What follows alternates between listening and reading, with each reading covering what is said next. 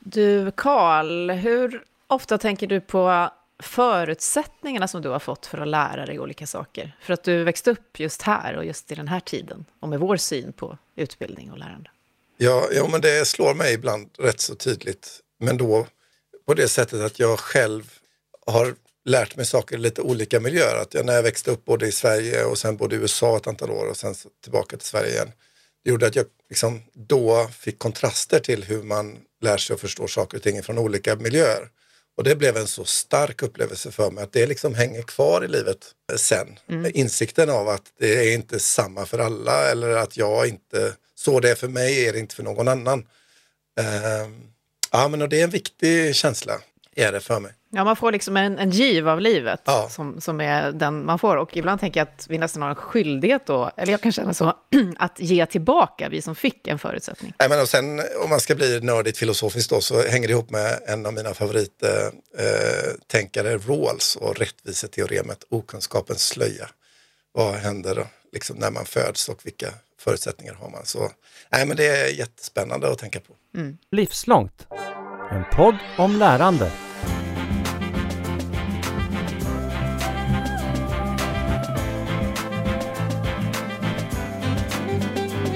Ja, veckans gäst är verkligen en sån som för mig i alla fall ser ut att verkligen vilja bidra tillbaka utifrån den här given då. Så välkommen till mig, Katarina Pietschak och Carl Heath här i Livslångt, Thomas Björkman. Tack, tack för att jag får vara med. Vi är så glada för det. Ja, hur ska jag presentera dig då? Eh, en rubrik skulle kunna vara så här, finansmannen som lämnade finansvärlden för att skapa mervärde på andra håll, eller något i den stilen. Men hur ser din egen bild av det du gör och den du är idag ut? jag skulle nog beskriva mig som, som en kanske i grunden akademiker som började plugga matematik och fysik. Men sen halkade in i näringslivet och blev entreprenör och startat ett antal olika för, företag och verksamheter. Där den kanske största var precis som du nämnde inom eh, finansbranschen där jag drog igång en fondkommissionär som sen blev en bank där jag, och som sen blev en skandinavisk bank. Och sen slutade jag som styrelsemedlem i en schweizisk bank un, under åren som ledde upp till finanskrisen. Men lämnade, hade möjlighet att lämna, sålde min verksamhet och kunde lämna finansvärlden och också affärsvärlden till största delen 2006. Och ville då gärna ta med mig de erfarenheter som jag hade gjort under mina år som entreprenör ute i näringslivet och se hur lite av de lärdomarna kunde appliceras i samhället i stort. Mm. Och jag har också då haft möjligheten att kanske gå tillbaks till mitt nördiga jag lite grann. Det här akademiska jaget och eh, jag har skrivit tre stycken böcker sedan jag eh, lämnade eh, finansvärlden. Den första heter The Market Myth som handlar om våra missuppfattningar och vår övertro på marknaden i många fall.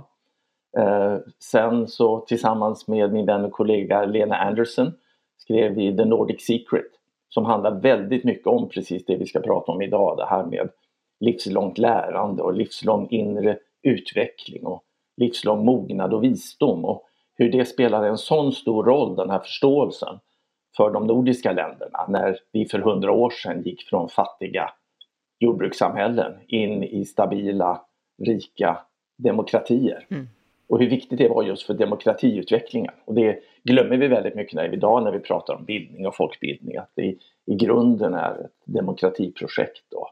Att det handlar om person, djup personlig inre utveckling. Och sen den, den sista boken då som heter The World We Create eller på svenska Världen vi skapar. Som lite grann knyter ihop de här bitarna med den samhällstransformation som vi är inne i just nu och som vi känner av mer och mer utav för, för varje år eller kanske till och med nästan varje månad nu det senaste halvåret. Och, och hur vi kan koppla ihop det med en förståelse av vår kulturella utveckling och vår individuella personliga utveckling. Och, och, då hör vi din röda tråd och din, eh, det som du kallade för ditt nördiga jag, din passion i det här. Eh, vad är det hos dig som gör att du har då drivit, även om det då blev via de här vägarna du beskrev, drivits av den här känslan att, att du vill röra dig i det här lärandet på det här sättet? Det, det, det, det har nog mycket att göra med min egen personliga eh, resa. Och att jag kanske under den här resan har sett väldigt många olika perspektiv. Jag, jag kommer från väldigt enkla eh, eh, omständigheter ifrån, ifrån Borås, ifrån en, en in, industristad och ett eh, ska säga, lägre medelklassfamilj. Och sen fick de möjlighet, mycket tack, tack vare då eh, det, det, svenska goda samhället, att vara den första i min familj, både på min far och min mors sida, som hade möjlighet att ja, faktiskt ta studenten och sen, till, eh, och sen gå vidare och läsa på universitetet. Så det är ju en resa, men sen den andra resan är fr från, från då den akademiska världen in, in i eh, entreprenörvärlden och, och, skapa och verka. Och förstå där kanske då att de modeller som vi hade utav världen, inte minst de eh, ekonomiska modellerna, de neoklassiska ekonomiska modellerna utav hur världen och marknaden fungerar, men också hur vi som individer fungerar. Den här modellen utav oss som rationella individualistiska individer som är här för att maximera vår egen nytta. Homo economicus som vi brukar kalla dem. Hur de modellerna av, av samhället, ekonomin men också av oss som individer inte på något sätt stämmer.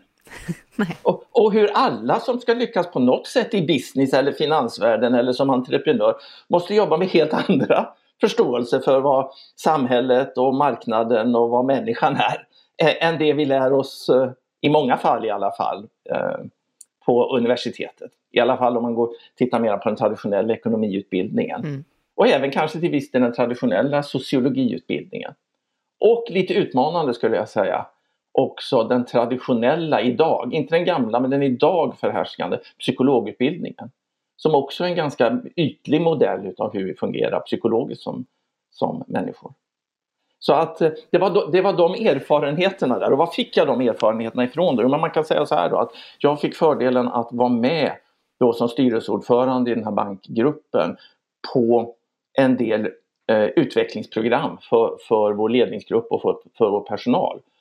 Um, och jag kunde se där hur duktiga ledarskapskonsulter inom näringslivet hade en djup förståelse för betydelsen utav inte bara det här livslånga lärandet utan den här livslånga utvecklingen, inre utvecklingen. Och hur vi kan hjälpa oss själva och varandra att hantera den här ökade komplexiteten i världen. Inte bara kognitivt utan också emotionellt. Mm. Och att den här förmågan att, att kunna herbergera komplexitet och leda under komplexitet, att den förmågan faktiskt går att utveckla. Jag såg där att vi har förstått det här i alla fall i vissa delar av näringslivet, men i samhället. Pratar vi inte alls om behovet utav att främja den här livslånga utvecklingen, att kunna leva i ett mer och mer komplext samhälle. Nej, och vi har ju tidigare gjort ett, bland annat ett avsnitt här. De här frågorna ska jag bara säga, har ju, jag ser ju Karl att vi bara, ja, sitter och nickar här. Vi har pratat om det här så mycket, allt det du nämner Thomas. Och vi har också bland annat... Ja, jag, jag har sett det att ni har haft både Sverker Sörlin, Pernilla Glaser och Sven-Erik Lidman med flera som ju är inne på exakt de här frågeställningarna och kommer från, kommer från andra infallsvinklar, men det är samma grej. Ja, liksom. ja, och det är ett av de mönster vi kan se i podden. Och jag tänker just när du nämner Pernilla så hade vi ett avsnitt som då kommer att heta Den lilla flumskolan. Därför att det här du beskriver kan ibland vara så utmanande eh, så att det blir avfärdat då som just flum. Men Karl, vad tänker du när, när du hör Thomas prata och vi sitter här och nickar? Ja, men det jag tycker är liksom spännande, just det du var inne på nu Thomas, med att du kommer från ett annat perspektiv det är ju att det går ju att möta de här frågorna eh, och det här behovet av eh, liksom att förändra förutsättningarna och betingelserna för hur vi tänker om liksom arbete och kunskap och, och, och, och utveckling. Det går att komma in i det liksom från det akademiska hållet, ifrån olika ämnen som du beskriver eller ifrån, eh, ifrån det, inte sällan också ifrån liksom området som handlar om självutveckling och så. Mm, mm. Men det jag tycker är spännande i det som är din berättelse, det är ju att, som du var inne på, att du har mött den här världen från ett ledarskapsutvecklingsperspektiv i näringslivet. Mm, mm. Eh, det vill säga att du har också ett språk för att beskriva de här förflyttningarna och förändringarna som är liksom begripligt i en näringslivskontext, om jag uttrycker mig på det sättet. Det går ju liksom att använda så många olika ord för att beskriva liksom väldigt mycket likartade fenomen. Men när jag lyssnar på dig eller eller läser så, så kan jag se att liksom din bakgrund och resa i hur du väljer att uttrycka och framea saker och ting, den kan få en klangbotten också i de miljöer som du kommer ifrån. Mm. Att det är väldigt viktigt någonstans. Ja, och jag ska också nämna faktiskt att mitt allra första möte av det här, det var faktiskt inte i näringslivet utan det var i, i det militära. Mm. Och det är också en annan vinkel och det var eh, ledarskapsutbildning, reservofficersutbildning i, i, det, i det militära där jag på 80-talet redan hade möjlighet att gå en ledarskapskurs där som heter, heter fortfarande UGL och som var en första ögonöppnare för mig i, i det här perspektivet. Och det är klart att kommer man från, från det militära eller från näringslivet, ifrån finansbranschen och pratar om de här sakerna så är det ett lite annan vinkel än om man kommer från här mera självhjälps, personlig utveckling, retreat, yoga perspektivet. Men jag pratar inte nedsättande om det utan det här möts, det här möts ju verkligen. Eh, de här. Och sen kan du komma från det filosofiska perspektivet och du kan komma ifrån djuppsykologi eller utveckling, modern utvecklingspsykologi som ju förstår det här jätte, jätteväl. Mm. Men där de här kunskaperna i modern utvecklingspsykologi, vuxenutvecklingspsykologi faktiskt ännu inte har fått eh, ett ordentligt genomslag i, i den allmänna debatten. Trots att utvecklingspsykologi och neurovetenskap idag pekar på exakt de här sakerna. Och jag tänker mig att det är att vi faktiskt är väldigt fast i våran kultur i den här mekanistiska bilden av oss människor och tänker på oss människor som, och vårt medvetande som en maskin, en rationell maskin som är transparent för oss själva och den här nyttomaximeringen vi pratar om. När det här inte alls är en maskin, vårt medvetande, utan att det är ett organiskt system under livslång utveckling och den här utvecklingen kan stöttas.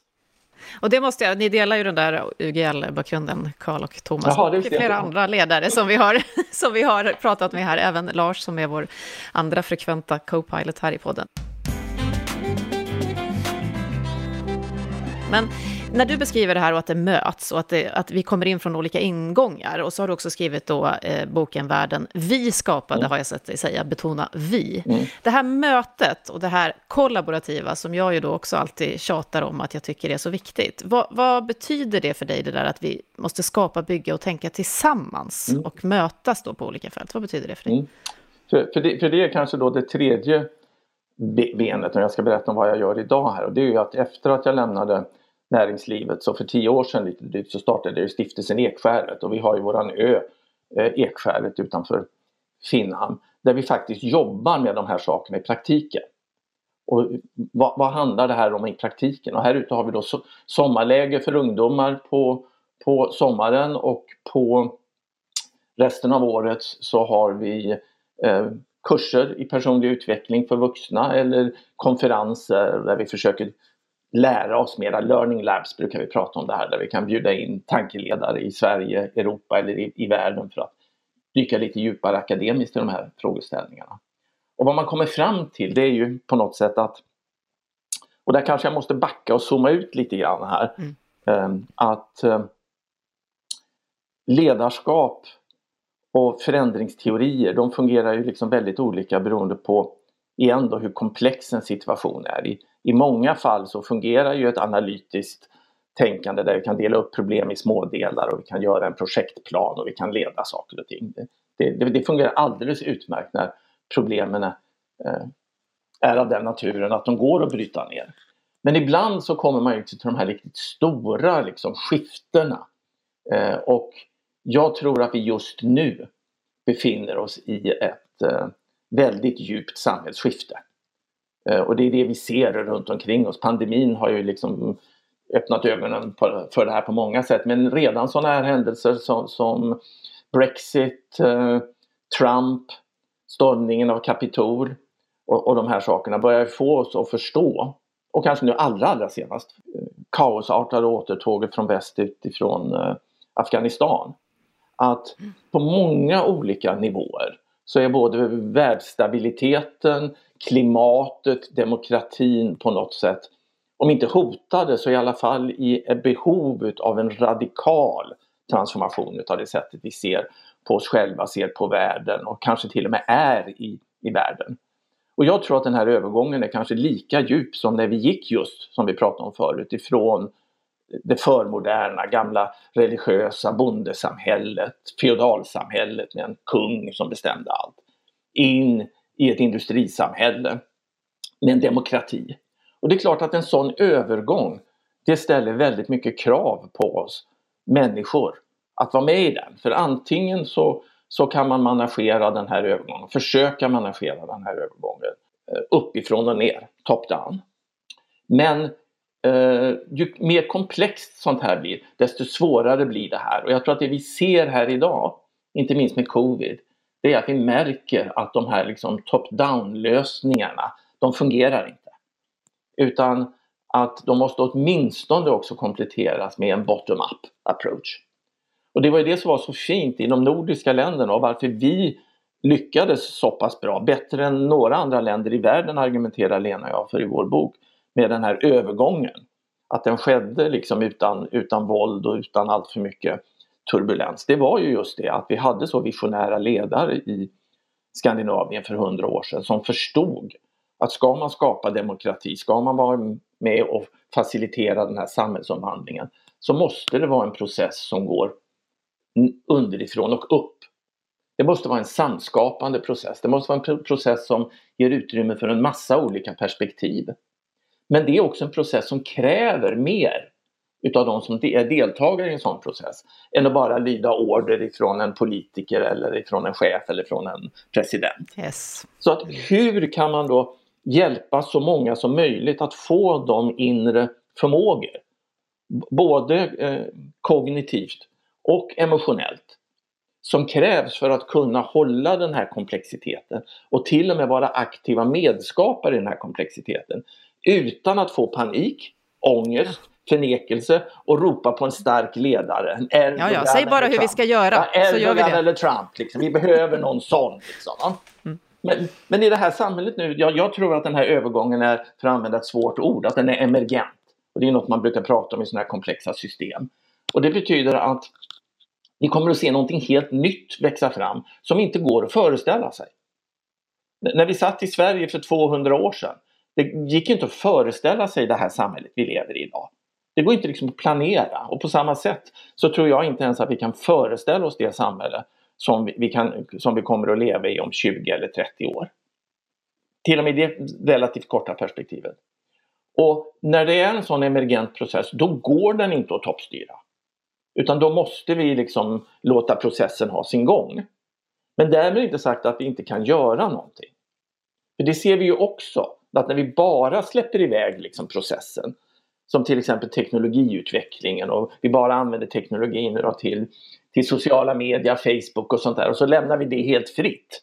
Det är inte alls säkert att det går åt rätt håll. Utan där har vi ju människans skuggsida också. Att vi på något sätt är de här tribal people och att vi, att vi tycker om att dela in oss i vi och dem och de här, de här skuggsidorna mm. som psykologerna ju jätteväl känner till. Eh, och då måste vi ha system. Vi måste ha kultur. Vi måste ha stöd för att eh, orka ta fram de bättre sidorna av oss själva. Och, och, det är också en del i det här då vuxenutvecklingsprojektet eller bildningsprojektet mm. eller mognadsprojektet som man pratar om. Jag står och tänker på Karl. Vi pratar ofta om det här. Vi, det, det, är som musik för öronen, tror jag att vi båda tycker, det som Thomas säger. Vi rör oss också i de här systemen eh, väldigt mycket, som då sitter fast, eller hur vi ska uttrycka det, som, där top-down ändå är eh, på något vis fortfarande rådande. Och där vi liksom jobbar på olika sätt. Vad ser du, eh, Karl, när vi liksom rör oss i det här? Hur, hur, kommer det här att förändras? Eftersom det fortfarande då ropas på den starka ledningen eller strukturen eller så, eh, så mycket i just samhällssystem. Ja, det är jättespännande frågor, tänker jag till att börja med. Och svårt att omfånga dem i, i liksom korta och enkla Jättesvårt. tankar. Men, men jag tänker att eh, man måste nog också tänka att väldigt mycket av den samhällsinfrastruktur vi har byggt idag, den bygger ju på en logik då vi inte hade tekniska och sociala eh, eh strukturer som möjliggjorde för den komplexitet som samhället har, har idag. Där vi, liksom, vi, vi byggde samhället för informationshastigheten av en ponny och att man var tvungen att organisera samhället lokalt, fysiskt, runt kyrkbacken och skolan och så. Men i takt med att vi har en informationshastighet som är så mycket högre som den är idag så öppnar det upp för all denna komplexitet. Eh, som ju kan leda till väldigt fantastiska och positiva saker. Eh, och också massa utmaningar. Men någonstans så är det så att väldigt mycket av de liksom institutioner vi har och även i viss utsträckning demokratin i sig självt, den är modellerad på en tid då informationshastigheten var mycket, mycket eh, långsammare. Och det skapar den här friktionen mellan de liksom upplevd, idag upplevda stela strukturerna som var ju väldigt progressiva på mm. sin tid. Eh, och, och där tror jag att det vi behöver se idag väldigt mycket det är ju att tillåta det här liksom experimenterandet och det försiktiga prövandet i det komplexa, i det här emergenta som du mm. beskriver Thomas. För att hitta nya organisationsstrukturer som kan liksom få mogna lite grann vid sidan av det här som faktiskt funkar men som är ganska trögt. Liksom. Till dess att det når en punkt av mogenhet att det faktiskt kan ersätta det som finns idag. Eh, och att det, finns, det, det, måste ske någon form av process och liksom en, en, slags dans det där för att det ska möjliggöras. Men nu befinner vi oss i det gamla och kan liksom känna på det nya tror jag. Men vi är inte där och vi har inte riktigt hittat formspråket för hur vi liksom organiserar samhället i stort för att hantera det där. Mm. Och sen är vi vissa som gärna vill springa fortare än en ponny. Du känner ju mig Karl och jag tänker och känner och uttrycker när jag måste fylla i för många mallar och, och sådana saker. Eh, och då kan det just det där skiftet kan upplevas ganska tufft om man då är en sån som vill springa lite fortare. Jag brukar ibland prata, prata där om, använda metaforen att vi, vi måste bygga broar in i dimman.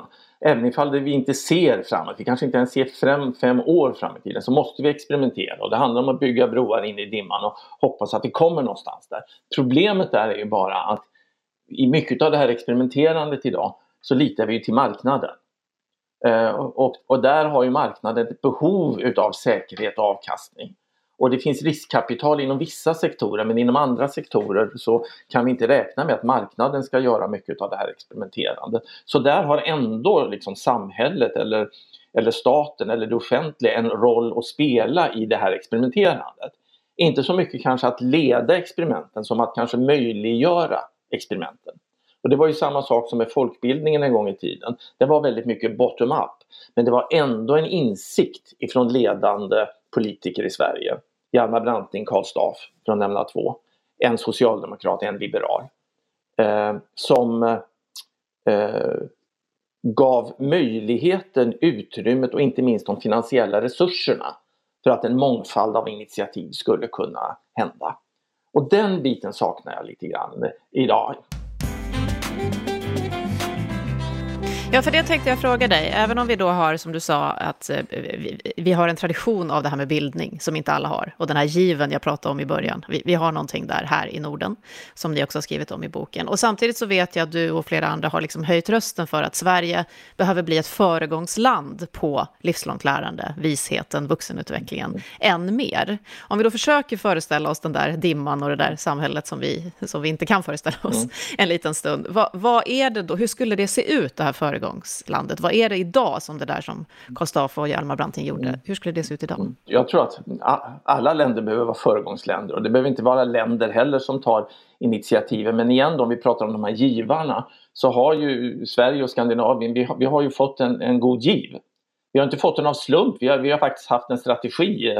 Vi, vi, vi, har gjort några bra saker för 100 år sedan, för 50 år sedan som vi fortfarande lever på. Men, men vi befinner oss i en situation där vi kanske då har de, det utrymmet finansiellt eh, men även på andra sätt i samhället att kunna experimentera, tillåta oss experimentera mer än vad man kanske kan göra i, i, i andra länder. Och hur skulle det kunna se ut då?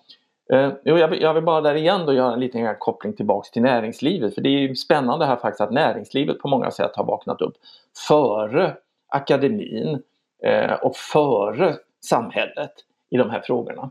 Så det här med att hantera komplexitet eh, och stödja vår utveckling att kunna göra det. Det är ju massa företag i Sverige och internationellt som inser det här. Mm. Och där HR-avdelningarna på, ja, på företag som till exempel Spotify eh, i Sverige eller Ericsson eller Telia i tekniksektorn inser att om vi som svenska företag ska kunna vara konkurrenskraftiga jämfört med Silicon Valley och andra bitar så handlar det om att inte bara idag en ledning i företaget har den här förmågan att kunna hålla och, och, och utveckla i komplexitet känslomässigt och, och kognitivt. Utan att det här faktiskt är någonting som angår alla medarbetare i våra företag idag. Mm. Därför att igen då som du sa Karl, där, informationsflödet är ju så snabbt att det går inte längre i, i snabbrörliga branscher att ha en modell där all information ska samlas ihop i en ledningsgrupp som ska se komplexiteten och sen liksom göra planer och sen skicka ut det. Utan man experimenterar ju väldigt mycket idag i delar av näringslivet av självorganisation och självstyrande grupper och att alla i företaget måste kunna se större del av helheten och ta ansvar för sin bit men inom en större komplexitet. Och när man gör det, när man inför den här typen av självorganisering så händer en spännande sak. Kanske ungefär hälften av medarbetarna, lite grovt så här på något sätt, tycker det här är underbart. Och man får, ett, man får frihet och man får ett ansvar och man kan leva i det här liksom och, och man, man blomstrar. Jag räcker upp handen här. Men sen kanske, mm. ja, men sen kanske den andra hälften, och ibland är det upp till hälften, så leder det här till förvirring, det leder till ångest och sen i slutändan till utbrändhet. Därför att man har inte de här kapaciteterna ännu att eh, na navigera det här fältet eller kanske till och med blomstra i, i det här fältet. Så det är de dåliga nyheterna. Men de goda nyheterna det är ju att vetenskapen igen då, utvecklingspsykologi med flera, visar ju tydligt att vi har alla möjlighet att utveckla de här för, för inre förmågorna som vi behöver. Det är klart att vi inte har lika mycket möjlighet att utveckla. Det är klart att vi en viss del så föds vi med olika personligheter och så här. Men alla har någon förmåga att kunna utveckla de här typen av kapaciteter. Och vad kan det här vara för kapaciteter då? Ja, om vi pratar lite mer kognitivt så skulle det här kunna vara kapaciteter för perspektivtagande. Mm. Att verkligen kunna se olika perspektiv. Att kunna hålla flera perspektiv samtidigt även om de är lite motsägelsefulla och kanske leder till en, leder till en paradox. Ett mera komplext, sant systemtänkande som inte bara handlar om att rita linjära pilar mellan en väldig massa boxar utan verkligen ett levande systems systemtänkande. Det är på den kognitiva sidan, men på den emotionella sidan så har vi sådana saker som, som compassion, empati. Det är också helt klart nu från psykologerna att vi föds inte med ett visst mått utav empati. Utan empati är någonting som vi faktiskt kan både fördjupa och utvidga till att omfatta flera människor. Men det går inte riktigt bara att lära sig det i skolbänken. Utan då är det någon form av djupare psykologiskt lärande som fordrar den här typen av upplevelsebaserat lärande och möten och konflikter. Och ofta handlar det också om utmaningar. Och då är det lite synd att se att i universitetsvärlden idag går liksom tendensen åt det andra hållet att vi ska försöka undvika att utmana elever, eh, eleverna sa jag det var en freudiansk felsägning, studenterna. Att inte liksom studenterna ska utsättas för några emotionella utmaningar eller bli triggade eller, något, eller någonting sånt här. Mm. Utan det är ju de här utmaningarna, men i ett, men i ett safe hållande så, som gör att vi faktiskt eh, växer. Men inom det här trygga hållandet så måste vi våga utmana oss själva och till viss del också varandra. Ja, för det tänker jag på när det, just när vi pratar, kommer hela tiden tillbaka då till den här vuxenutvecklingen, eh, vilket är ett område som förstås har fascinerat mig också väldigt mycket eh, senaste åren. Och den här utvecklingspsykologiska insikten som du beskriver så väl, alltså om människans mognadsprocess, att den aldrig upphör och att den kan också följa vissa stadier under vuxenlivet. Men då tänker jag, idag lever vi i en sån otroligt brant utvecklingskurva, pratar alla om. Mm. Hur ska vi då få plats att hjälpa alla i det där hållandet? Att alla verkligen hinner komma med? För det är ju inte någonting som du säger som man kan lära sig på en vecka och skriva ett prov på. Nej, nej. nej. Och, och, där, och där ni, ni, gör ju en podd om, om livslångt lärande, så vår syn på lärande har ju utvecklats väldigt mycket under de senaste, liksom, till och med under min livstid. Liksom. Igen då, min, min, mor hade sex, min mor och far hade sex år i folkskola. Och på den tiden så, så, så eh, trodde man att ja, man, man gick i skolan sex år och sen hade man det man behövde lära sig. Det man behövde kunna i livet. Sen förstod vi att det inte räckte utan vi utökade det här till nio år. Idag är det många som går 12 år eller 15 år. Men vi har, också, men vi har fortfarande synen att det är liksom i första delen av livet vi ska lära oss en massa saker. Sen kom vi fram till att det räcker inte utan vi måste ha livslångt lärande. Men det var ett lärande då som ofta var skilt ifrån vår, vårt arbete eller vår uppgift. Utan då, då gick vi en kvällskurs eller så gick vi tillbaks till universitetet och pluggade ett år och vidareutbildade oss. Utan jag tror ju att det här är någonting som måste integreras i, vår, i våra liv på ett helt annat sätt.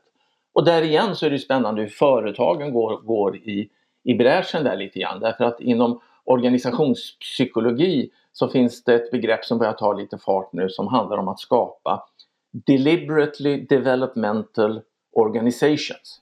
DDOs. Mm. Och det är organisationer som explicit syftar till att hålla medarbetarna i sin livslånga utveckling och att en del av företagets uppgift, företagskulturens uppgift, är att stödja den här livslånga utvecklingen. Eh, och företagen kan till och med där lägga ett rent eh, egoistiskt profitperspektiv på det.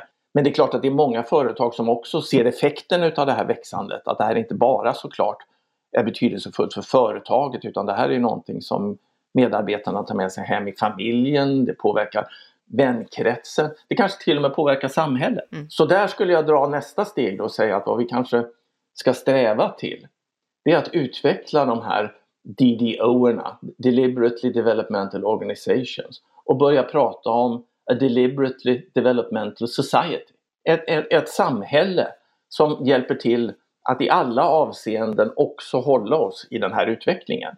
Och där skulle jag faktiskt bli lite utmanande och säga att Sverige i början på 1900-talet, antingen under en socialdemokratisk regering eller under en liberal regering, hade faktiskt som uttalad ambition, även om man inte använde de orden, hade som uttalad ambition att skapa, att göra Sverige till ett deliberately developmental society. Eh, och det var en vision som fanns uttalad fram till ungefär andra världskriget men sen började vi eh, tappa det där. Mm. Lite grann därför att vi i Sverige slutade eh, hämta inspiration av naturliga skäl ifrån Tyskland och tyska filosofer.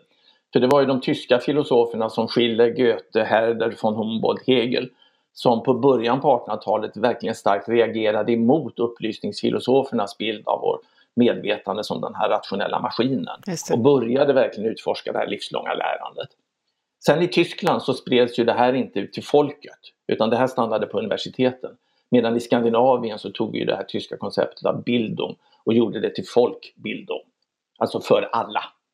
Och när det här var eh, som störst i Skandinavien så vet ni ju att eh, i början på 1900-talet så 10% av varje ung generation hade ju möjlighet att delta i de här sex månaders programmen som man körde på folkhögskolor. Och, och, så här. och det är klart att det skapade vad vi idag skulle kalla för ett tipping point i, i systemet. Det, det där tycker jag är spännande och intressant för om man liksom då spolar fram bandet till idag eh, så vi, ser vi liksom en jättespännande brytpunkt på det här med liksom vad kraften i folkbildning kan vara och när eh, kunskap blir tillgängliggjord mm. för individen. Eh, Igår kväll så kom min eh, nioåriga dotter till mig eh, och så pratade hon ryska Va?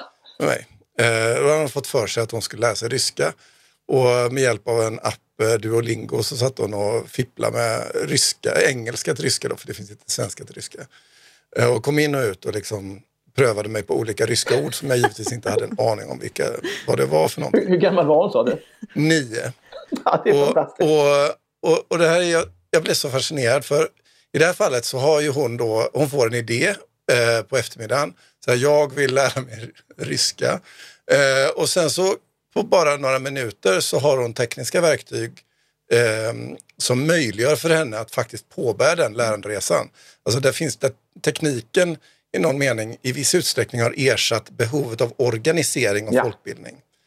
Eh, och, och det är en fråga då som, som jag kommer tillbaka till, till dig i det här sammanhanget. Det är att där vi i början på 1900-talet såg den här organiseringen av folkbildning eh, behövde organiseras kring den fysiska organisationen och föreningslivet och sådär.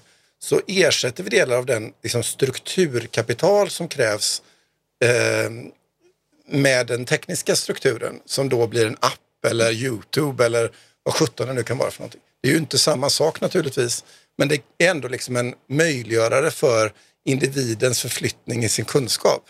Och där kan jag ju uppleva att både företag och civilsamhälle, men liksom framförallt individen själv, har tagit betydligt längre steg i den resan än vad samhället i stort har. Ja, abs absolut. Alltså där våra formella institutioner inte riktigt förmått se den förflyttning som vi i privatlivet ändå ser när vi gör de här grejerna. Liksom. Men, för det här är ju lite grann som vi var inne på, det är ett skifte i, i världsbild också. Och, eh, individer kan ju skifta världsbild och få sin förståelse förändrad mycket snabbare än en institution. Mm. Institutioner kan ju ta längre tid att, att förändra sig och utbildningssystemet är ju ett av de kanske mest trögrörliga, eh, på gott och ont. Eh, för vi måste ju skydda utbildningssystemet från liksom allt för mycket liksom kortsiktiga eh, fluktuationer. Men jag håller helt med att tekniken kommer att möjliggöra, eller möjliggör redan väldigt mycket här. Och där har ju min stiftelse, Stiftelse Ekskäret, sedan några år tillbaka ett väldigt spännande initiativ tillsammans med Norrsken Foundation som vi kallar för 29K. Det är 29 000. Det är så många dagar du har i ditt liv om du får leva ett långt liv. Och vår tagline är Make them all matter. Så det handlar om en digital plattform just för den här livslånga utvecklingen. Digital plattform för livslång utveckling, kanske mest riktad mot unga vuxna igen. Precis som folkbildningsprogrammet var en, en gång i tiden. Problemet där bara, det är ju att, som vi har sagt några gånger, att den här mognadsutvecklingen, den, den går inte att lära ut på de här traditionella liksom, undervisningssätten. Och att väldigt mycket där baseras på upplevelsebaserad lärande och lärande i möten och kontakt mellan människor. Och det får du ju väldigt bra på kanske då om du är på en sån här kursgård, folkhögskola och kan du vara det ett halvår som man var på den tiden då för 50 eller 100 år sedan så är det klart det händer fantastiska saker. Så vår utmaning där i 29K har varit kan vi, kan vi återskapa, replikera det här autentiska mötet och dialogen mellan människor på en teknikplattform genom videosamtal. Eh, och det märker ju vi nu bara här när vi sitter här och det har vi ju märkt med pandemin. Att det faktiskt fungerar förvånansvärt bra att skapa djup personlig kontakt och djupa samtal över videolänk. Mm. Och, och, det är det som är kärnan i eh, då det här initiativet 29K som är ett non-profit open source initiativ som vi hoppas kommer att kunna spridas. Och när vi väl har utvecklat den här så är ju det, fina med en sån här teknikplattform det är ju att, uh, att få in 10 användare till, 100 användare till eller 1000 användare till. Det kostar ju nästan ingenting extra. Mm. Medan att bygga folkhögskolor, där det kostar varje skola miljoner. Så, så eh, jag och med stiftelsen Ekfärdet och med vår egen ö, våra ungdomsläger, våra retreats jag, jag, tror ingenting överträffar det personliga djupa mötet, gärna ute i naturen. Men sen måste vi också se hur kan vi, hur kan vi skala det här nu när vi behöver skala upp det här ganska så brett och ganska så snabbt. Och där tror jag precis som du säger Karl, tekniken kan hjälpa oss där. Vi har ju testat eh, den här appen förstås redan, 29K-appen, och kan varmt rekommendera det testet. Men precis i det här, jag måste försöka börja knyta ihop vårt samtal, även om det känns helt mm. omöjligt. Eh, så mm. eh, där du är just nu hoppas jag att vi på något sätt kan avsluta det också, nämligen i hoppet. Mm. När vi tittar på det du sa, pandemin, vi hamnade i någonting, vi har en klimatkris som vi alla hela tiden förhåller oss till som en fond. Vi pratar om utmaningar med AI och annan teknik, mm. eller att vi har släppt iväg plattformar fritt och så. Mm. Och många säger säger så här, vi ska lösa det här med lärande och innovation. Och samtidigt sitter vi i det här skiftet med ena benet fast mm. liksom, i, i det mm, gamla. Mm, mm, Var finns hoppet? Vad hoppas du? Ja, men, ja, men hoppet finns i att, att det räcker inte med, med lärande och innovation inom det nuvarande systemet och den nuvarande världsbilden. Vi måste också få ett skifte i både i världsbild och ett skifte i eh, Eh, våra kapaciteter att hantera de här problemen. Om inte vi får de skiftena så, så, så kommer det här inte hjälpa. Det, det, var någon klok som sa att eh, om, om du river ner en fabrik men behåller den logiken som skapade fabriken så är det enda som kommer hända att det kommer att växa upp en ny liknande fabrik. Utan vi, vi, vi måste ändra på logiken här. Och jag tror där att de här eh, utmaningarna vi, vi ser här nu med, med klimatet och med pandemin, inte minst pandemin har ju fått oss alla att börja inse det här att på ett djupare sätt att när vi pratar om att vi alla är sammankopplade. Att vi inte är de här individualistiska individerna som kan maximera vår egen nytta oberoende av andra. Så har ju pandemin fått oss verkligen att känna att nej men vi sitter ju ihop. Så att till och med i USA finns det ju de ursäkta att jag raljerar lite grann, till och med i USA finns det ju de som börjar inse att faktiskt om min sophämtare eller mitt pizzabud inte har de ekonomiska förutsättningarna att kunna stanna hemma om de är sjuka, så kan inte jag vara frisk.